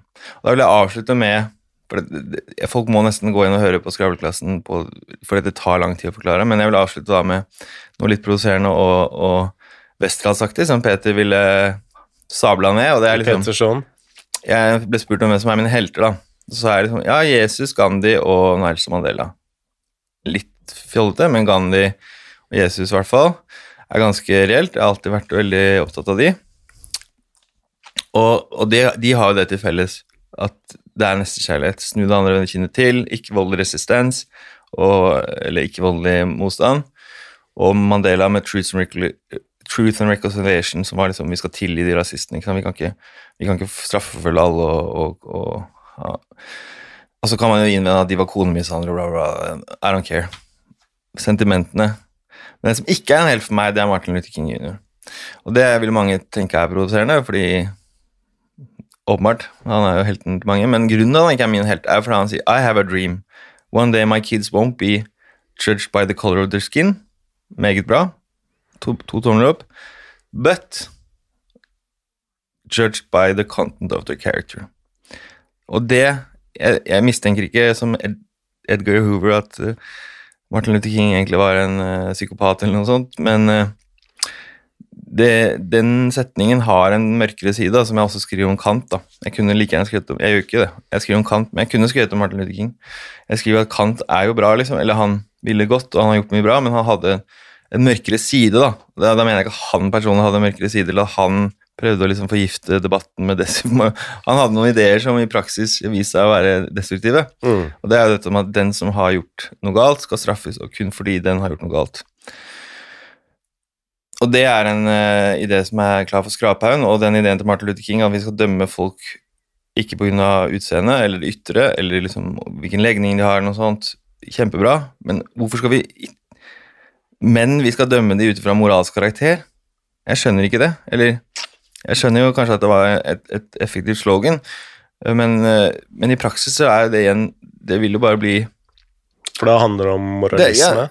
Nei, det er drit i moralisme. Altså, I praksis blir jo det bare klasse Uh, det, det blir det samme, ikke sant? Fordi de, de med moralsk lav karakter i, eh, i storsamfunnets øyne, i jussens øyne, i religionens øyne, Mm. det er jo de samme. Mm. Det er de svarte og hispanics og hvit arbeiderklasse som tar fentanyl, oksykontin, som eh, skyter folk og, og som slåss med politiet og som går på Det er jo Mm. de laveste. Så det Martin Luther King er egentlig en sier i mine ører, er eina klasseforakt i eh, Ja, det- altså jeg, anklager ikke han for å ha det personlig, men det, det har blitt sånn, da. Uh, og det da Det jeg egentlig hører, er at vi skal Hvite, svarte basketballspillere skal få liksom uh, bli, bli, bli behandla bedre. Så det- Mens alle mulige fattige Så konklusjonen her, hvis jeg kan sånn avslutningsvis eh, Vi begynner å gå tom for eh, tid her, du må videre. Eh, Men eh, hvis jeg skal dra en liten konklusjon av det du prøver å formidle, da, det er at vi må slutte med denne dehumaniseringen av Vi må forstå at ingen er ansvarlig for sine egne handlinger, fordi de har ikke valgt det selv. De har ikke valgt sin DNA, de har ikke valgt sin biologi. de har ikke valgt... Jeg bruker Johanne som eksempel, en som jeg kjenner, hun heter jo ikke det, da, men som ble vokst vokste opp i borgerkrigen i Etiopia på 70-80-tallet, under Derg-styrkende regime. Familien hennes anses som statsfiender. Hun ble misbrukt seksuelt, hun så familiemedlemmer ble drept foran øynene sine, de var alltid på flukt, det var bomber og granater. Via flyktningleir i Sudan, mer misbruk, kom til Norge. Fæle fosterforeldre som var rasister, hun skjønte ingenting, kunne ikke norsk, flytta til en voldelig etiopisk onkel som banka og slo henne fordi han hadde blitt torturert selv. Og hun ender opp da som narkoman prostituert. Det er ikke veldig rart, liksom. Det klarer folk å forstå. Og hvis folk klarer å forstå det, så går det faktisk an å forstå også at Breivik nok har opplevd et eller annet. Og det er ikke det samme som å unnskylde det eller å dytte noe over på noen. Men hvis du ser, da, for eksempel, som jeg har nevnt mange ganger på OJ Simpson-dokumentaren Hvis du ser på faren til han Ron som ble drept tilfeldigvis fordi han var sammen med Nicole Brown Simpson Jeg er litt sånn obsessed av OJ Simpson-saken, for den er jo sånn Veldig bra fertile ground for filosofi. Eh, hvis du ser på faren til han Ron, da, som ble drept tilfeldigvis av OJ Simpson Og de som kjenner saken, det var jo ikke et virksomhetsdrap heller. Det er jo et av de mest brutale knivdrapene som tenkes kan, liksom. Det er jo snakk om Ja, det var et drap på Torshov for noen år siden, jeg vet ikke om folk husker det, men det er liksom snakk om tretalls knivstikk, liksom. Og han faren bruker jo hele livet sitt på å hate OJ Simpson. Hele livet hans går i stykker, liksom. Fordi hatet hans mot en person som i ytterste konsekvens kun er et produkt av sin egen biologi, DNA, oppvekst Altså, hvem vet hva som skjedde med Ole Simpson? Poenget er at vi vet hva som skjedde med Johanne. Hun vokste opp i borgerkrigen i Etiopia. Vi har papirer som viser at hun ble voldtatt av dergstyrker, at hun ble slått i Sudan at hun bodde, ikke sant? Dette vet vi. Vi vet ikke hva som skjedde med Breivik. Vi vet ikke hva som skjedde med OJ Simpson. Men et eller annet skjedde. Og å ta inn over oss denne um, uh, dette, det, Denne måten som f.eks. Feletti gjør, uh, som er tre episoder på Skravlekassen, folk kan gå og høre som har forsket på denne linken mellom barndomsopplevelser og voksenliv. Det som uh, Sapolsky peker på i den, sin kommende bok om fri vilje, om det biologiske. Han snakker om dommere som dømmer, gir folk livstid fordi de ikke har spist lunsj. ikke sant? Hvis, hvis, du tar alle disse som tenker på disse spørsmålene og legger det sammen i én stor så får vi på en måte arven til Troske, da, som jeg savner. Og da avslutter jeg liksom med at Støre at uh, uansett om du ikke uh, vil dette, så håper jeg liksom at Og da siterer jeg Nietzsche, da, som uh, By the Like baron von Münchhausen with the strength of his own Det er jo sånn han, han harselerer liksom over at når baron von Münchhausen trekker seg selv opp etter håret Det er liksom Det er Reagan, da, og Støre, da. Sånn som tror at folk kan bare uh, Jordan Peterson-aktig bare pull yourself up the bootstraps. Det er jo absurd. Så jeg sier du Jeg håper da at du liksom selv om du ikke vil gjennomføre denne rusreformen, at du by way of biologi, DNA, universets krefter øh, ikke har noe annet Eller at du velger det uten å kunne velge det. Altså, mm. Han har ikke fri vilje til å velge det, men han gjør det. Uh, og, og med det så sier jeg liksom på en måte takk for meg i rusdebatten. Ikke verbalt, men jeg, jeg gjør det nå i podkasten og en annen tekst. Um, og, er, og, og, poenget mitt med det er liksom at den når dette menneskesynet blir utbredt, så trenger vi ikke noe rusdebatt, liksom. Mm. For det Den er obsolit. Det er sånn som på Civilization 4. Du, pyramidene bare Vi trenger det ikke lenger når du får uh, Når du bygger men, uh, Hva faen er det? Nå, nå kommer Civilization-fansen og knuser meg, men på et eller annet tidspunkt når du bygger Taj Mahal, så trenger du ikke pyramiden eller et eller annet sånt. Har du ikke spilt Civilization?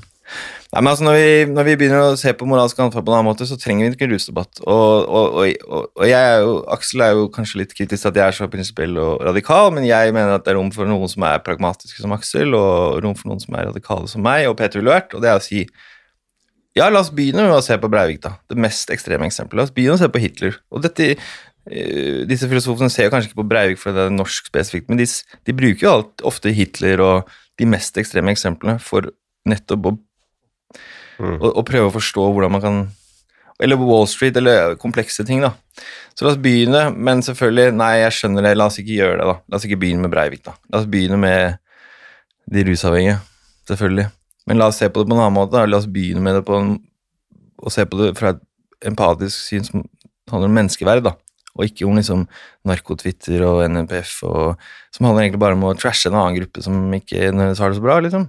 Vanlige arbeidsfolk som går i, som går i arbeidsklærne sine på jobb. og i fritida.